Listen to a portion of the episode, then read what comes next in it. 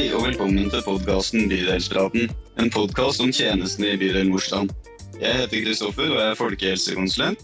Og med meg i dag har jeg Anne-Britt Alp, Alt, som er eh, leder for helsestasjonen for ungdom. Eh, nå skal vi få lære litt mer om dette tilbudet. Velkommen til deg, Anne-Britt. Kan ikke du begynne med å si litt om hva helsestasjonen for ungdom egentlig er? Ja, det kan jeg veldig gjerne. Helsestasjon for ungdom er et gratis tilbud for ungdom mellom 12 og 24 år, eller ut det året de fyller 23. Eh, det er et tilbud som alle bydeler og kommuner er pålagt å ha. Eh, og vi her i bydelen Nordstrand har tilbud hver mandag fra fire til seks for ungdom i denne målgruppa. Ja. Eh, er det da sånn at man kan bare møte opp hos dere i åpningstida, eller må man bestille time for å komme dit? Ja, nå har vi det sånn at du kan ringe, og du kan også ha drop-in. Før pandemien så var det kun drop-in. Under pandemien så måtte vi legge, ja, endre våre rutiner, og den har vi fortsatt med. For vi ser det at ungdommen har vært veldig flinke til å ta telefonen fatt og bestille time. Mm. Så mandager samme dag som helsestasjonen for ungdom er åpen, så har vi telefontid på formiddagen mellom 12 og 2. Og da ringer ungdommen inn og forteller hva de har behov for. Og så blir de satt opp på time samme dag. Samme dag, ja. ja. Det er jo uh, veldig, veldig bra. Da jeg ringer min lege, for jeg er ikke i time samme dag uh, i hvert fall. Men uh, hvor er det dere er hen, egentlig? I lokalene på, i det nye bydelshuset i Langbølgen 1. I tredje etasje, der hvor til daglig fysio-ergoterapien og jordmødrene holder til. Mm. Og Da har vi òg gode lokaler for helsestasjon for ungdom. Ja, Eh, hvem er det egentlig som, eh, som jobber på helsestasjonen for ungdom? Ja, Det er mange forskjellige. Vi har et eh, tverrfaglig eller flerfaglig lokalt miljø. Det er helsesykepleier. Det er flere helsesykepleiere. Vi har lege. Vi har jordmor. Vi har barnevernskonsulent. Vi har en eh, ruskonsulent. Eh, og vi driver òg med rustesting. Det er det helsesykepleiere som gjør.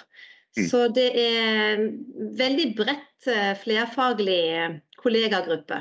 Ja, det var litt av et sånn tverrfaglig eh, team. Det var noen av disse rollene jeg kanskje ikke tenkte at, at det liksom hører hjemme på, på helsestasjonen for ungdom. Men da skjønner jeg at da, da, vet jeg kanskje ikke helt hva dere egentlig gjør. Hvordan ser egentlig tilbudet ut på helsestasjonen for ungdom? Hva, hva er det dere hjelper ungdommen med der? Jeg vil jo gjerne hjelpe ungdommen med det de kommer for. Det er mye altså, seksuell helse, det er mye prevensjonsveiledning. Mange ønsker prevensjon og veiledning i hva som er, ja, hva som er best. Mm. Vi har innsetting av spiral, og også p-stav som det kalles. Eh, vi har eh, testing av eh, seksuelt overforbare sykdommer ja. som de kan komme og ta. Eh, blant annet. Og så har vi også psykisk helse. Vi har samtaler med psykolog, eh, også helsesykepleier, hvis det gjelder ting som er litt sånn av psykisk helsekarakter. da. Ja. Eh, og de ungdommene da, som tar, eh, tar kontakt med dere da, og får, eh, får, snakke med noen i dette tverrfaglige teamet, da, og forhåpentligvis får, får, god hjelp for sine problemer, er det sånn at dere alltid hjelper de på helsestasjonen, eller hender det noen ganger at dere henviser noen videre til, til andre tilbud? Det gjør det absolutt. Eh, vi har jo et, et altså ikke tett samarbeid, men når vi, vi, kartlegger, vi følger opp med et lavterskeltilbud. Eh, eh, helsestasjonen for ungdom er jo noe for alle som alle kan komme. Men når vi ser det at det tilbudet vi har ikke er nok, mm. eh, når vi kanskje har hatt noen samtaler over tid, eh, ungdommen kommer tilbake, vi ser kanskje ikke noe bedring, så kan vi henvise til andre. Noen ganger er det ungdommer fra andre bydeler eller som går på skole i andre bydeler. Da kan vi eventuelt ta kontakt med f.eks. skolehelsetjenesten i den bydelen. Eh, vi kan også ta kontakt med barne- og ungdomspsykiatrien, som vi ofte sier bare BUP. Eh, hvis man ser at de trenger en, en behandling over tid, og vi har òg psykologer i skole i, på helsestasjonen for ungdom som kan henvise direkte. Mm. Eh, vi kan også kontakte fastlege. Vi kan ofte kontakte andre typer ja, både sykehus og spesialenheter hvis vi ser at det er det som er behovet. Så da, Dere er tilpasningsdyktige da, og har egentlig mange, mange, verktøy i kassa for å hjelpe ungdom i, i forskjellige situasjoner.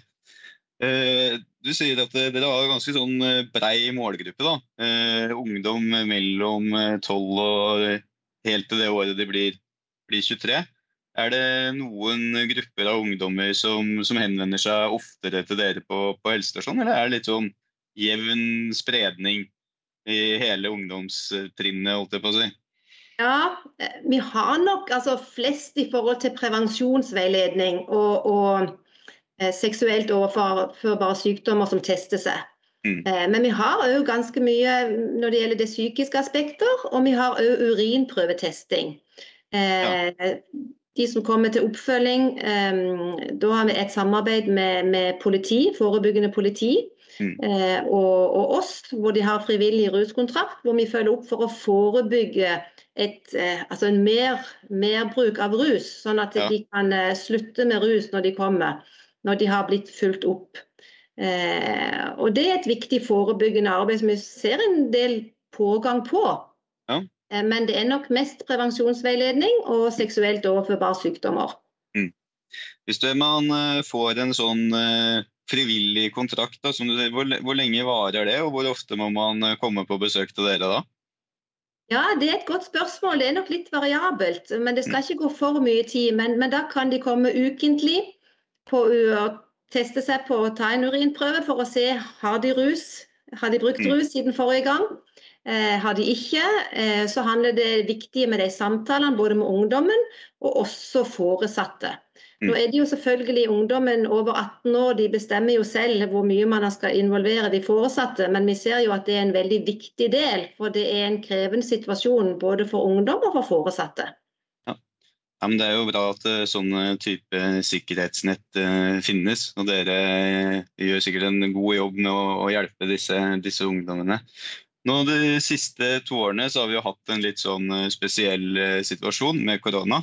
Og Du sier jo at ungdommene har vært flinke til å, å tilpasse seg og det å måtte bestille time og ikke, ikke komme på droppen. Men dere har jo veldig kort tid da, da man ringer og bestiller til man man får komme. Men, men har dere opplevd at ungdommer i bydelen litt, kommer til dere med litt andre typer utfordringer nå enn det de gjorde før? Eh, ja, det er kanskje litt tidlig å si, men vi ser jo at en del har Altså det med, med, psykisk uhelse, da. Altså det kan være ensomhet, ser vi en del kan uh, stri med. vi ser at en del kan slite med spiseforstyrrelse. Eh, det kan være håndtering av ja, det er vanskelige situasjoner å være isolert, som har blitt ganske tungt for mange. Vi ser òg et økende rusproblem som vi kan se går i bølger generelt. Mm. Det kan vi se i hele bydelen i Oslo, og kanskje at det kommer mer fram igjen etter det har vært litt lavere i første del av pandemien. da. Ja. Eh, når folk satt hjemme, så ser vi at det er litt eh, ja, Kanskje en kan føles i alle fall av en økning av det. At det er jo veldig uh, alvorlige problemstillinger, alle de du, du forteller uh, om. Og mange organiserte tilbud har jo vært, vært også stengt under korona, så det er kanskje litt naturlig at flere opplever en følelse av å, å være ensomme. Men sånn generelt, du som er leder for helsestasjonen for ungdom, hvordan, hvordan syns du det, det går med, med, ungdommen vår i, i bydelen?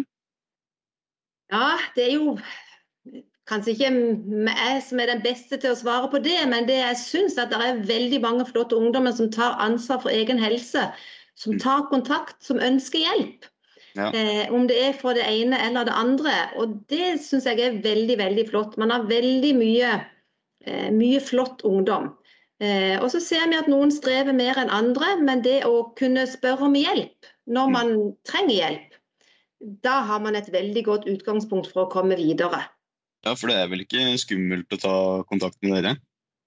Ikke skummelt, men for mange så kan det være skummelt å ta en telefon. Og kanskje mm. enda mer skummelt å komme på drop-in. Men det vi erfarer på den telefontida vi har òg, at vi kan hjelpe mange også på telefon.